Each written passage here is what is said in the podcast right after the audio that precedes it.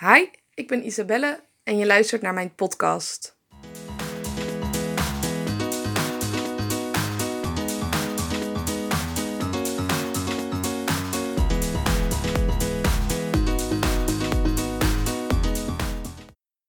Ik zit hier eh, aan tafel met Pia en die ken ik eigenlijk via via.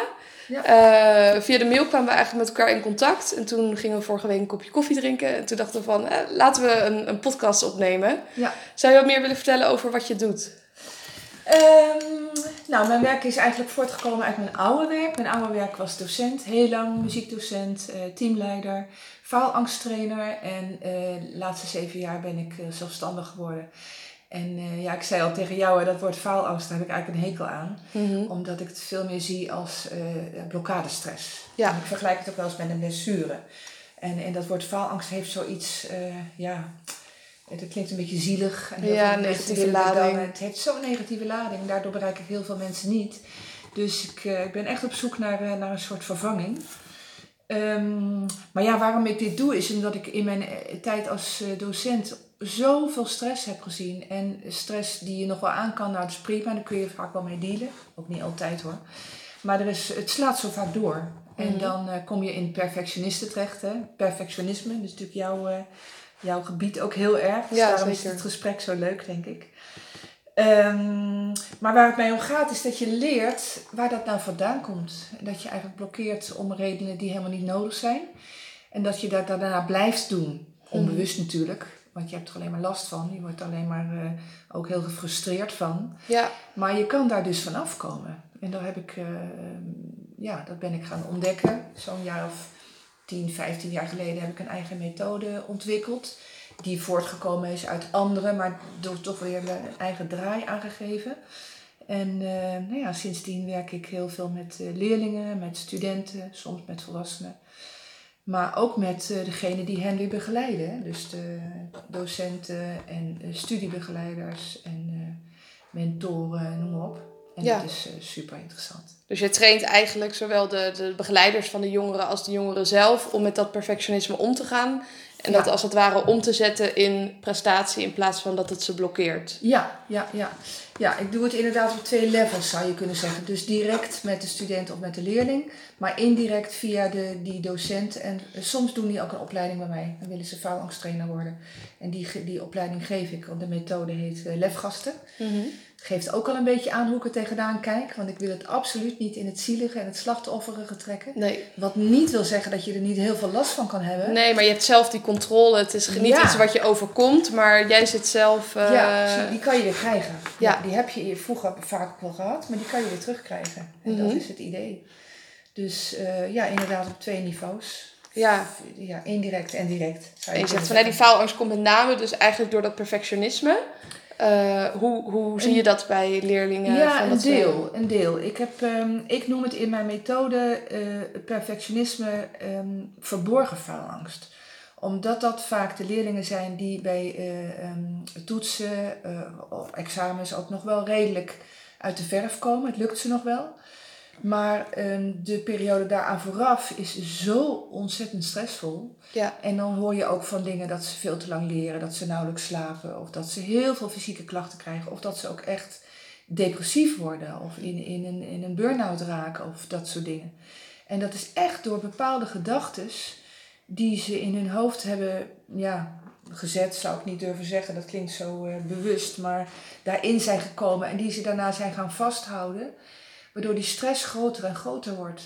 En daardoor stap je op een gegeven moment ook uit. ja dus je zegt eigenlijk dat perfectionisme, dat is meer de angst om te falen. En dan Ja. ga je maar heel hard dingen doen om maar te voorkomen dat je gaat Ja. falen. Ja, inderdaad, de angst van tevoren al dat het niet goed genoeg zal zijn. Hè? Ja, Want perfectionisten, die, ik zei al, de foutjes en de echte blackouts valt vaak bij hun wel mee. Maar kleine foutjes zijn in hun geval al, al eh, vreselijk. Vandaar die verborgen faalangst. ja, dus wij zien het niet. Het Nee, van de ijsberg ziet er allemaal goed Ja, uit, want ze halen het wel. Soms een 7, een 6 of een 7. En nou, iedereen denkt, of heel veel anderen denken, nou, die had ik ook wel willen hebben, dat cijfer. Ja, die zeuren maar, dat ze dat niet goed vinden eigenlijk. Wat Ja. anderen zouden zeggen, Ja. maar wat eronder allemaal verborgen zit. ja, ja, precies. Dat raakt echt. En, en dan komen we misschien zo dadelijk wel bij de kern. Dat gaat over hen, over hen zelf. Het gaat eigenlijk over je zelfbeeld. Dat Mhm. als je foutjes maakt en je had een 9 kunnen halen, maar je hebt nu een 7. Je hebt het er niet over wat anderen zeggen, joh, waar heb je de steen niet aan?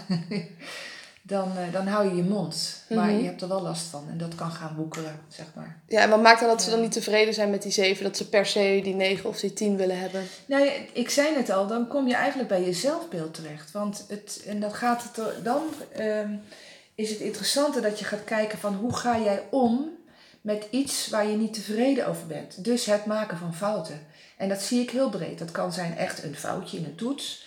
Maar het kan ook zijn dat je te laat bent begonnen of dat je net het verkeerde stukje hebt geleerd. Gewoon iets heel normaals eigenlijk. Waar een ander van kan zeggen van oh, oh dat was niet zo handig, laat ik dat nog eventjes eh, overnieuw doen. Maar voor hen, ik noem het echt een beetje als een groep.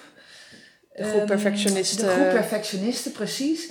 ehm, raakt dat hun zelfbeeld. Ja, En dat is, hè, wat ik zei al, ik werk met een, eh, ik zei het misschien niet, maar ik werk met een, eh, eh, de, het is een cognitieve therapie, dus je gaat, komt terecht bij de gedachtes.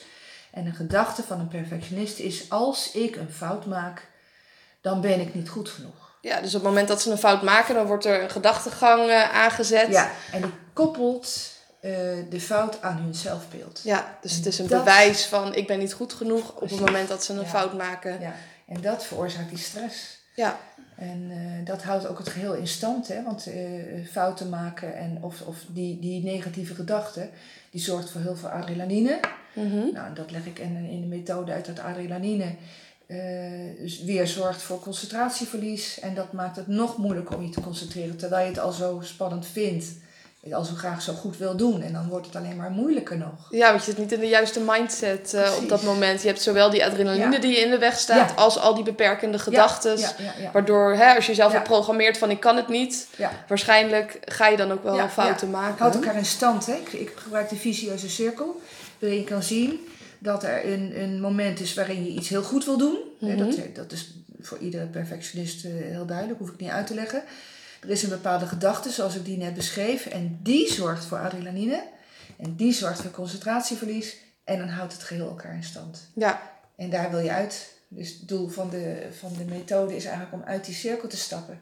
Dat je je eigen adrenaline door middel van andere gedachten, nou daar weet jij ook heel veel van, dat je die dat je te gaan laten eh, zakken. Ja, en hè, je zegt van ze hebben waarschijnlijk de gedachte ik wil het heel graag goed doen. Zou je dan zeggen van dat moet je gaan aanpakken? Je moet het niet zo graag goed willen doen? Of hoe ga je die cirkel Nee, nee, dan... nee. Ik doe het, eh, als we nou kijken naar die gedachte die ik net noemde, hè, van als ik een fout maak, dan ben ik als persoon niet goed genoeg. Dan faal ik als persoon. Ja, ik stel dat- mezelf teleur, die gedachte. Of anderen teleur misschien? Ja, ook, zeker. Ja, hoewel het bij perfectionisten heel erg op zichzelf is gericht, maar die anderen ook, absoluut. zeker. Ja, ja, en ik merk ook met name bij perfectionisme dat ze dan overtuiging hebben over wat anderen zullen denken, wat ze Ja. waarschijnlijk helemaal niet denken. Ja, ja, ja, maar van hè, dan zullen ze me als minder zien. Of, eh.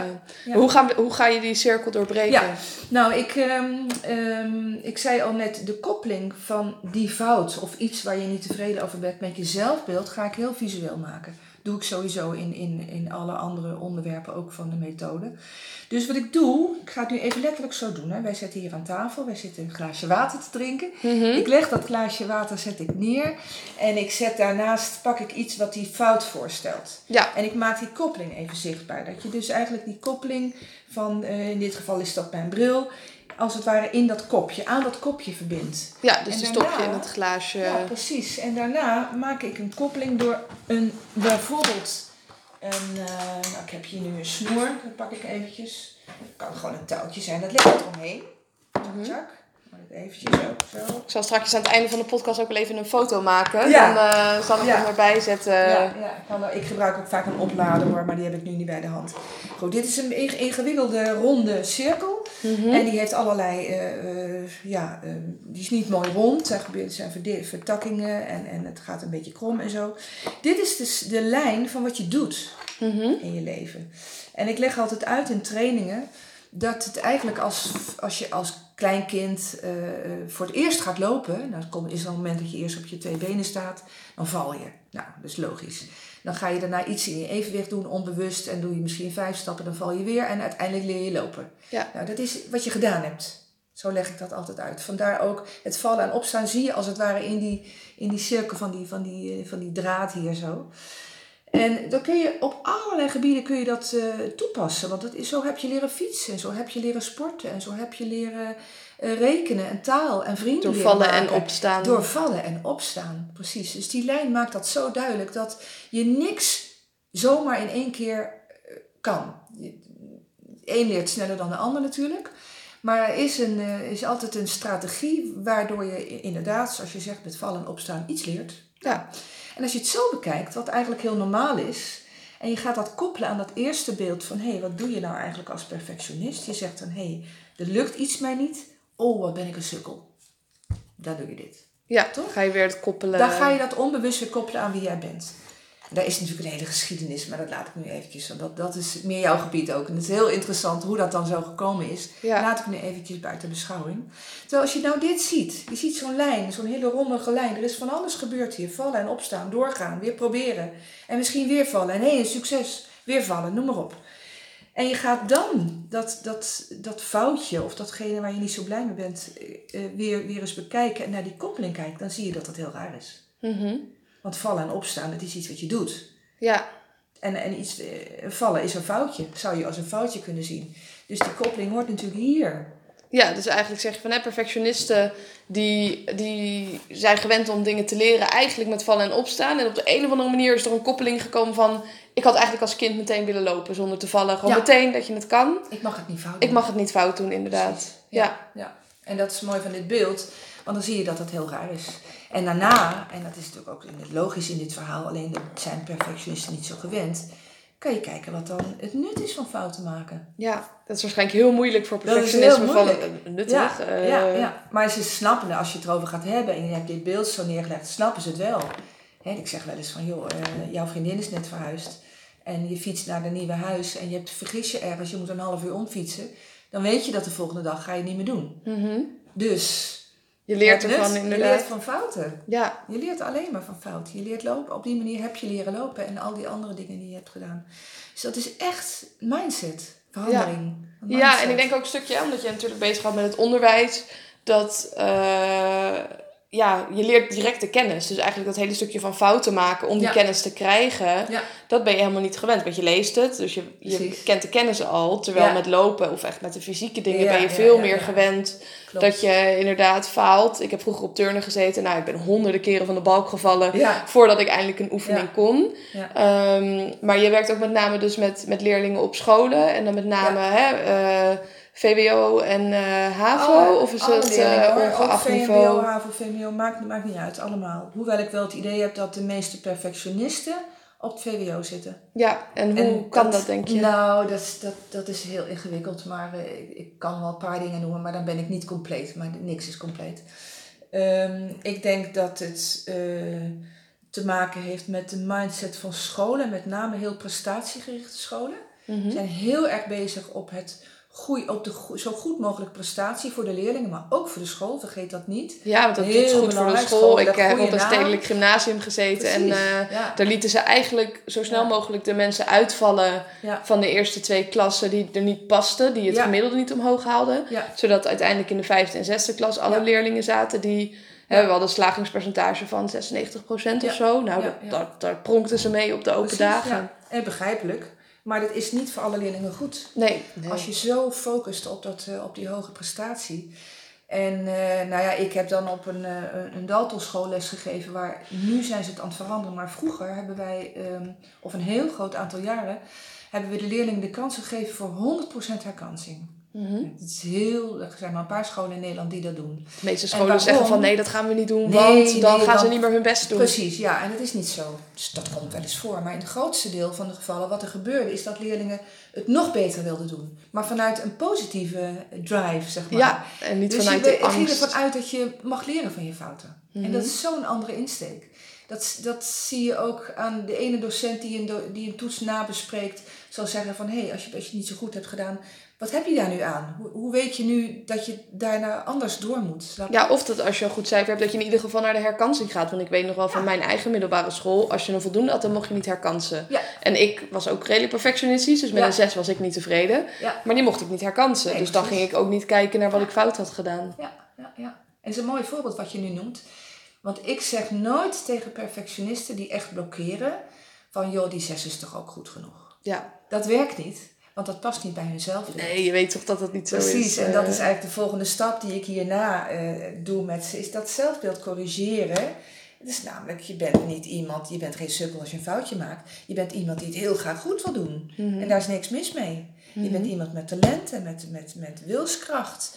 En je bent iemand, en dat is wel heel leuk, want dan koppel je dit beeld eraan, die wil leren van fouten. Ja, ja Dat dus dan maakt draai je hem Ja. echt helemaal om. En het leuke is dan dat je, als je dat gaat oefenen, want dat, eh, je mindset veranderen komt niet in één keer, dat moet je echt dagelijks oefenen. Mhm. Heel veel herhalen. Dat is neuroplasticiteit, zo zou je dat kunnen noemen.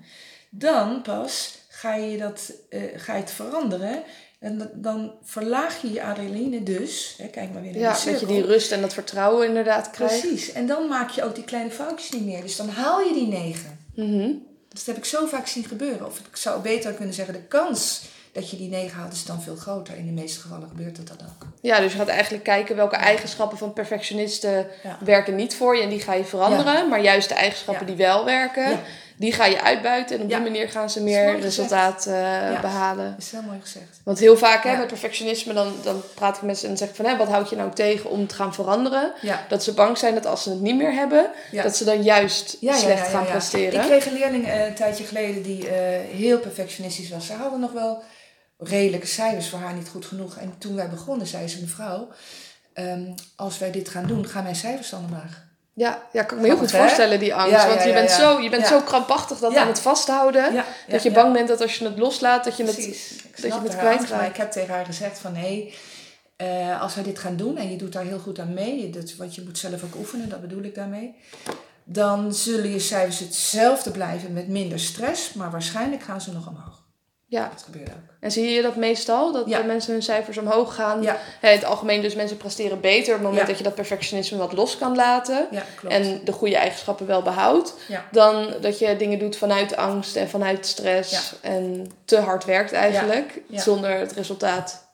Ja, precies. Want, want wat we nu nog niet genoemd hebben, maar wat er ook zo'n grote rol bij speelt, is die fysieke stress. Hè? Die je van tevoren al hebt als perfectionist. Waardoor je ook, of dat gaat samen met ook concentratieverlies. je bent uitgeput. nou Als je al wekenlang inderdaad hè, verhoogde hartslag hebt, verhoogde bloeddruk of door die stress. Want Ja. dat, dat effect heeft stress. Dat Ja. weten heel veel mensen niet wat voor fysieke effecten stress heeft. Het put je zowel fysiek als mentaal uit. Dus dan kom je naar, naar dat tentamen, naar die toets. En dan ben je eigenlijk al eh, zo moe dat het voelt alsof je nachten niet Klopt. hebt geslapen. Dan is het bijna logisch dat je een fout maakt. Ja, ja, ja, ja, inderdaad. Ja, ik leg het eh, in, in eh, het boek, eh, heb ik geprobeerd om een, eh, een manier te vinden, en dat wordt over het algemeen goed begrepen, waarin je uitlegt dat die adrenaline, adrenaline, behalve concentratieverlies, ook zorgt voor fysieke stress. Ja. En dat komt puur omdat die je kleine hersenen aan gaat sturen vanwege de, de overlevingsmechanismen. Hè? De, de, de flight freeze ook wel, maar er is iets anders. Maar de flight modus waarin je in terecht komt, waardoor ehm, het grootste deel van je bloed naar je kleine hersenen gaat. Mhm. En op het moment dat je helemaal niet kan vluchten, want de flight wil zeggen dat je lichaam wordt klaargemaakt om Ja, te vluchten, maar je zit toch- helemaal niet kan vluchten, Ja. zoekt het de zwakste plek in je lichaam op. En dat verklaart je hoofdpijn en je buikpijn en je, al die fysieke stressdingen. Dus Ja. dat is ook fijn, fijn klinkt raar in dit geval, maar dat ze, dat ze snappen waarom dat gebeurt. ja, dat je dan niet denkt van het ligt aan mij, Ja. maar het is heel logisch dat Ja. het gebeurt. Ja, en ook Eh, voor een arts, hè? Ja, Want de arts kan, eh, want die weet het vaak ook niet, geven dan maar een pilletje of zo voor die fysieke klachten. Mhm. Terwijl dat zo stress, dus adrenaline gerelateerd is en je kan het verklaren. ja. Dus een pilletje heeft niet zoveel zin. Nee, wat voor pilletjes geven ze dan? Oh, Propanadol of nou beta-blokkers weet ik niet of dat via een huisarts komt, maar dat, ik hoor zoveel van die dingen. Ja, en die zegt van het werkt waarschijnlijk bijna niet. En door die mindset te veranderen kan je dus ook die... blijvend. eh, dat pilletje kan dan tijdelijk werken, hoewel ik ook wel eens hoor dat het in de verkeerde dosis juist helemaal niet helpt. Nee, want ik heb, weet ook wel mensen die inderdaad eh, die Ja. beta-blokkers nemen. Ja. Of eh, nou ja, pilletjes om beter te kunnen concentreren, om te studeren. Ook vanuit die overtuiging van ik kan het niet, ik ben niet goed genoeg. ja. Ehm, maar dat dat... Ja, Weinig, ik heb er weinig goede ervaringen over gehoord. Want als het te veel is, dan, kan je, dan word je helemaal ja, een soort verdoofd. Dan kan je ook niet meer goed nadenken. nee, nee, als het te weinig is, helpt het ook niet. En alleen op dat moment. Maar daarna val je soms net zo diep of nog dieper weer terug. Ja, en je houdt het systeem in stand, Precies. die overtuiging. En die week, twee weken stress, die houd je alsnog. precies. Ja. Ja. Dus eh, nee, dat, eh, is niet, niet hoe ik werk. Nee, nee, kan ik me voorstellen. En je wil Ja. natuurlijk blijvend resultaat en zo lang mogelijk. Ja, ja, ja, ja, En niet ja. even een, eh, Ja, ja. een shot geven en dan kan je er weer even tegenaan. Ja, precies. Maar het is ook vaak niet, niet zo goed weten. Want ik, ik kreeg een paar weken geleden, was ik heel blij mee, een uitnodiging om op een symposium voor huisartsen mijn verhaal te vertellen. Of eigenlijk het verhaal over faalangst. Maar ik kan niet anders dan mijn verhaal. eh, dat is nou eenmaal eh, hoe ik het heb ontwikkeld. En die waren daar echt heel blij mee. Omdat ze zeiden van, goh, hier, krijgen we een andere ingang van, van denken hierover. En dat, dat, ja, dat versterkt de gedachte dat een pilletje niet zo heel erg eh, op den duur geen zin heeft. Nee, Dat nee. je op een andere manier daar dus naar moet gaan kijken. Ja, en Ja. ehm, hoe lang duurt het dan voordat eh, ja, je effect gaat merken als je met mindset aan de slag gaat? Want als je Ja. een pilletje neemt, dan zul je heel snel eh, resultaat merken. Ja. Eh, ik kan me voorstellen dat mensen zeggen, ja, maar als ik mijn mindset moet veranderen, dan duurt het nog. Hoe lang duurt zoiets? Nou, is niet zo. Als ik met leerlingen en studenten ga werken, dan gaan we eerst natuurlijk het verhaal bekijken. Want ik moet eerst weten waar het vandaan komt, waar het is Mhm. ontstaan, waar de zaadjes zijn gelegd. En vaak is er nog een zaadje en nog een zaadje en dan is er een patroon ontstaan.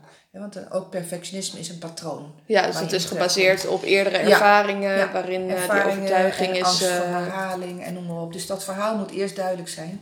Daarna gaan we aan de slag.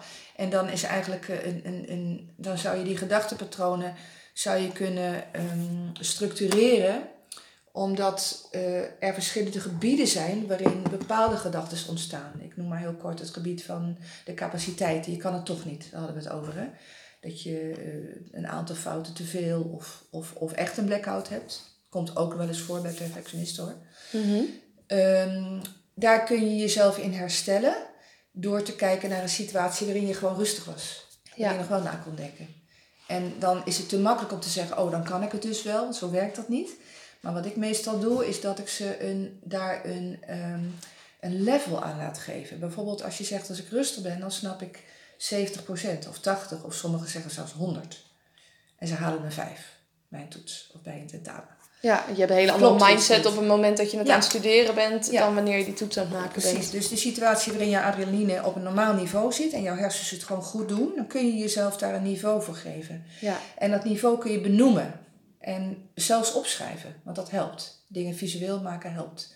Dus ze schrijven bijvoorbeeld op, als ik rustig ben, dan snap ik 80% van wiskunde. Dan zou je kunnen zeggen, mijn hersens zijn dus voor wiskunde een achterhart. Ja, dus Klinkt heel raar, ja, ze kunnen dat het is dus gewoon. een logisch gevolg.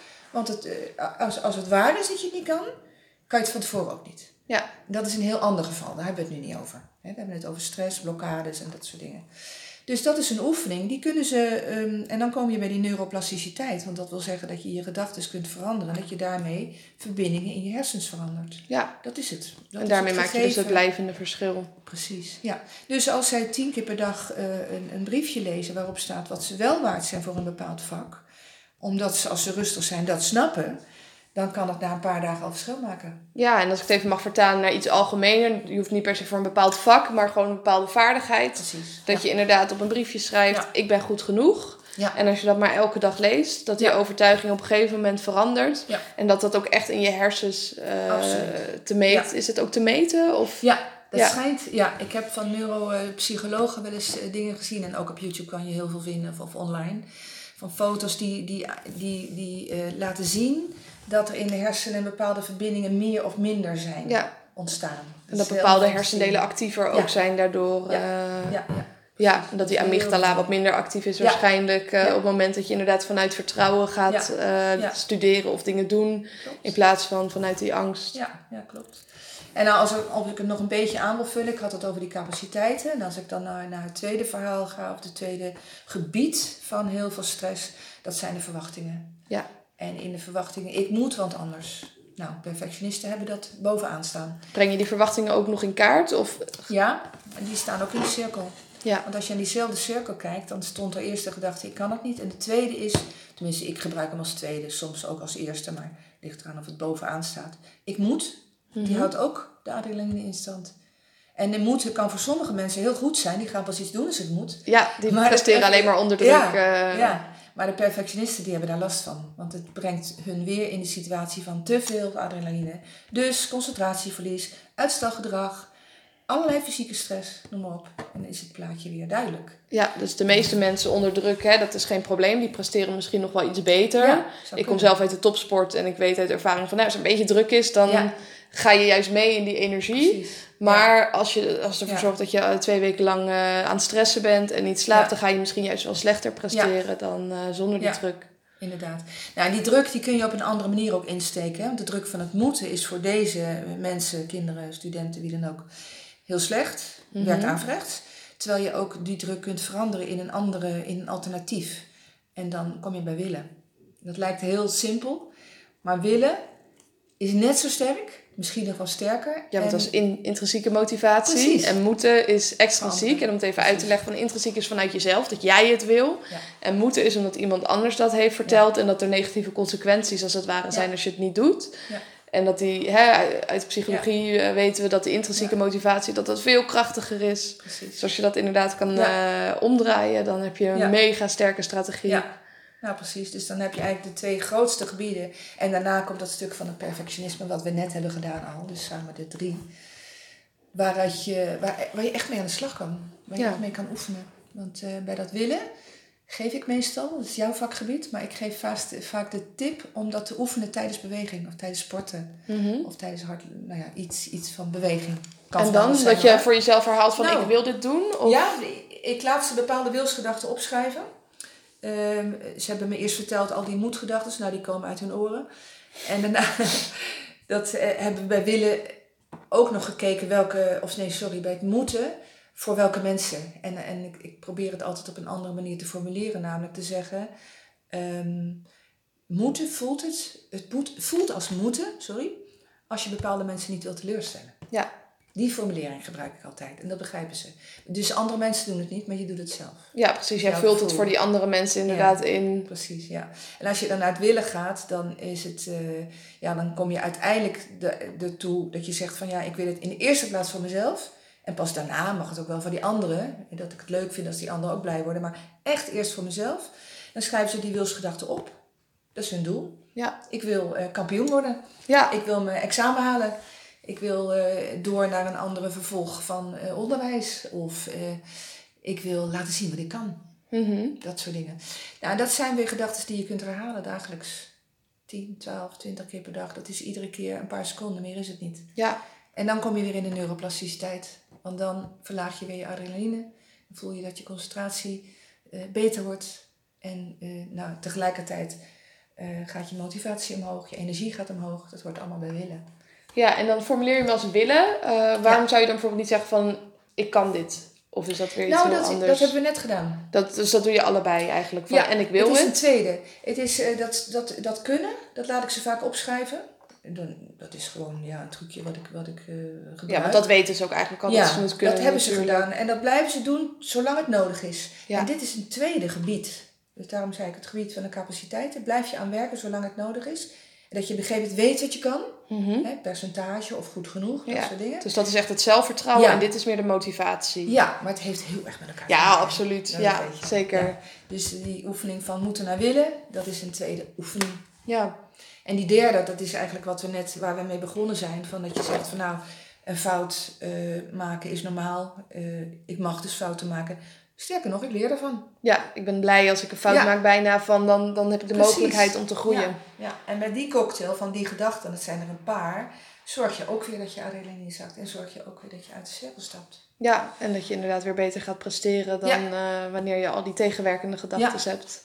Precies. Ja. Dus eh, heel globaal, in het kort, is dit zo'n beetje hoe ik werk. Ja, en Ja. wat zou je als advies willen geven voor mensen die zeggen van ja, ik ben echt super perfectionistisch en ik kom Ik er vraag- echt... eh, Ja, ik vraag altijd eerst of ze er last van hebben. Want dat is natuurlijk anders, maar anders komen ze waarschijnlijk niet bij jou. Want er zijn ook perfectionisten die het gewoon goed doen. mhm. En juist door hun perfectionisme. Want je hebt talenten, je hebt wilskracht en je bent waarschijnlijk nieuwsgierig. En je wilt allemaal goed voor elkaar. Daar kun je onwijs veel mee bereiken. Dus het is Ja, maar ik kan me ook wel voorstellen dat mensen denken van ik, hè, dat stukje van ik moet het behouden. Van anders dan lukt Ja. het me niet. Eh, maar dat ze met name hè, van, die, van die nadelige effecten af willen. Want ook al zijn ze bij de top, dat ze dan zo bang Ja. zijn om dat te verliezen, dat ze dan maar zeggen Ja. van eh, ik wil er niks mee doen. Ja. Ehm, en er zijn ook niet-perfectionisten, denk ik, die heel erg kunnen profiteren van dat stukje motivatie en Mhm. vergroten van het zelfvertrouwen. Ja, ja.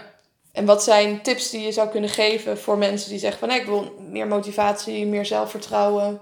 Ja, ik, ik ben niet van de tips. Mhm. Ik kan wel heel kort tips geven, maar eigenlijk wat ik nu heb verteld het afgelopen half uur, dat, dat is de aanpak. Ja, het is echt een lange termijn strategie. Je kan niet één tip geven lang. en nee, dan. eh, Nou ja, één tip. Kijk, ik heb natuurlijk dus mensen die vlak voor een examen bij mij komen en zeggen: Ik ben helemaal doorgedraaid, ik zie het niet meer zitten.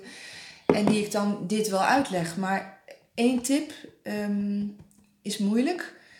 Eh, behalve te zeggen: Weet je wat je snapt als je rustig bent? Ja. Weet je dat moeten averechts werkt, maar willen goed voor je is. Weet je dat het maken van fouten niet erg is, maar dat het erbij hoort en dat je daardoor minder fouten gaat maken. ja, een stukje bewustzijn en kennis wat Ja. je dus. En, en weten ze dat dan ook? Of geven ze dan Nou, nog nee, de. nee, nee, dan zeggen ze van. eh, Eh, Waar heb je het over? En dan zeg ik, nou, ik heb een boek wat je kan lezen. Of kom bij mij op training of doe het allebei. En als dan mensen jouw boek zouden willen, waar kunnen ze dat. eh, Oh, dat gaat, dat is online bij bol.com, lefgasten. Staat bij bol.com. Op de site kun je van, of op online kun je van alles vinden. Of op mijn site, www.lefgasten.nl. En dan kunnen En mensen, als ze willen, eh, dat ze denken ja. van, oh, ik wil hier meer over die methode Ja. weten. Ik wil, eh, Kunnen ze zo vinden. ik wil het ja. ook aanpakken. Er zijn twee boeken. Er is er één voor jongeren. En dat is geschreven voor de eh, dus leerlingen, middelbare school, maar ook voor de ouders. Misschien nog wel vooral voor de ouders. Dat die een hele grote rol spelen in het, eh, ja, het snappen en daarin in een andere taal met hun kinderen gaan praten. En ook voor de docenten die zeggen, hé, hey, we willen wat meer weten over hoe wij het nou kunnen voorkomen en hoe we Ja. er beter mee om kunnen gaan. En er is een boek voor studenten Mhm. omdat voor het, het principe wel hetzelfde is, maar bij studenten gebruik ik andere voorbeelden, omdat de situatie anders is. Ja, dus met name andere Ja. voorbeelden, En maar de methode is gewoon Ja. hetzelfde. Dus stel dat mensen luisteren en denken, ja, maar ik ben geen student meer, ik heb al een baan. Zou dat- volwassenen gebruik ik de studentenmethode, Ja. omdat die qua taalgebruik het dichtst bij hen ligt. Ja, dus Ja. dan eh, weten mensen wat ze in ieder geval van, hé, wat is relevant als je denkt, ik ben perfectionistisch, ik wil er vanaf, ik ben er klaar mee. Ja. Dan eh, kunnen ze best eh, het studentenboek bestellen. Precies. En dan, hè, er staan ook heel veel praktische tips in. We hebben er net al even ja, in ja, gebladerd. ja, ja, ja. En ja. Ja. Ja. Wat ik het meest hoor, en waar ik heel blij mee ben, want dat wilde ik ook toen ik het boek ging schrijven, dat mensen zeggen, oh, dit is zo herkenbaar. Dit gaat over mij. Ja. Dit maak ik mee. Alsof je precies voor Ja. diegene dat boek hebt geschreven. Ja, en dat is, eh, ja, dat is natuurlijk mooi. Ja. En ben je zelf ook perfectionistisch? Of, eh, Ehm, ja, ik denk het wel. Je- Het is altijd, het speelt zich altijd af op bepaalde gebieden. Ik heb altijd wel heel veel kunnen doen en veel willen bereiken. En ik herken ook wel dat ik bijvoorbeeld als docent iets fout had uitgelegd en dat ik daar ongelooflijk veel last van had. Dat ik me echt een sukkel voelde, een slechte docent. Dus eh, dat ik, weet je toch wel, die cirkel, dat Ja. ik dat deed, onbewust. En dat ik later dacht, nee, zo erg is het niet. Maar ik heb dat niet goed gedaan. Ik heb dat niet goed aangepakt. En vanaf- dat moment kon ik het loslaten en veranderen. Want dat gebeurt in het doen. Kan je voortdurend eh, ontwikkelen en veranderen. De, en ik betrap me nog wel eens. Dat ik iets doe dat ik denk, ah, stom. en dat je dat dan eh, ja, bij jezelf probeert eh, op de goede manier op te pakken. Want niemand is blij met een fout. Maar Nee. je kan het eerder loslaten. En dat betekent dat je niet in al die ellende terechtkomt. nee, precies. Maar het maakt het wel Dus- makkelijker, denk ik, om Ja. te verdiepen in de mensen die je helpt. Oh, ja. Van, oh, ik weet hoe het is. Ja, ja, ja. en ik weet zeker. ook hoe het anders kan. Zeker, ja, Ja. klopt. Ja. Ja, ja, super gaaf allemaal. En eh, ik wil je heel erg bedanken voor ons gesprek vandaag. Graag gedaan. En eh, ja, ik hoop dat eh, iedereen er wat aan heeft gehad. Ik vond het in ieder geval Leuk. super waardevol. Leuk. ja. Nou, jij ook bedankt. Bedankt voor het luisteren naar mijn podcast. Ik hoop dat ik je even power heb kunnen geven en een inzicht dat je denkt, damn, nu kan ik weer even gaan. Vergeet me niet te volgen op Instagram, isabellelifts. Of mijn site even te bezoeken, isabelleveteris.com.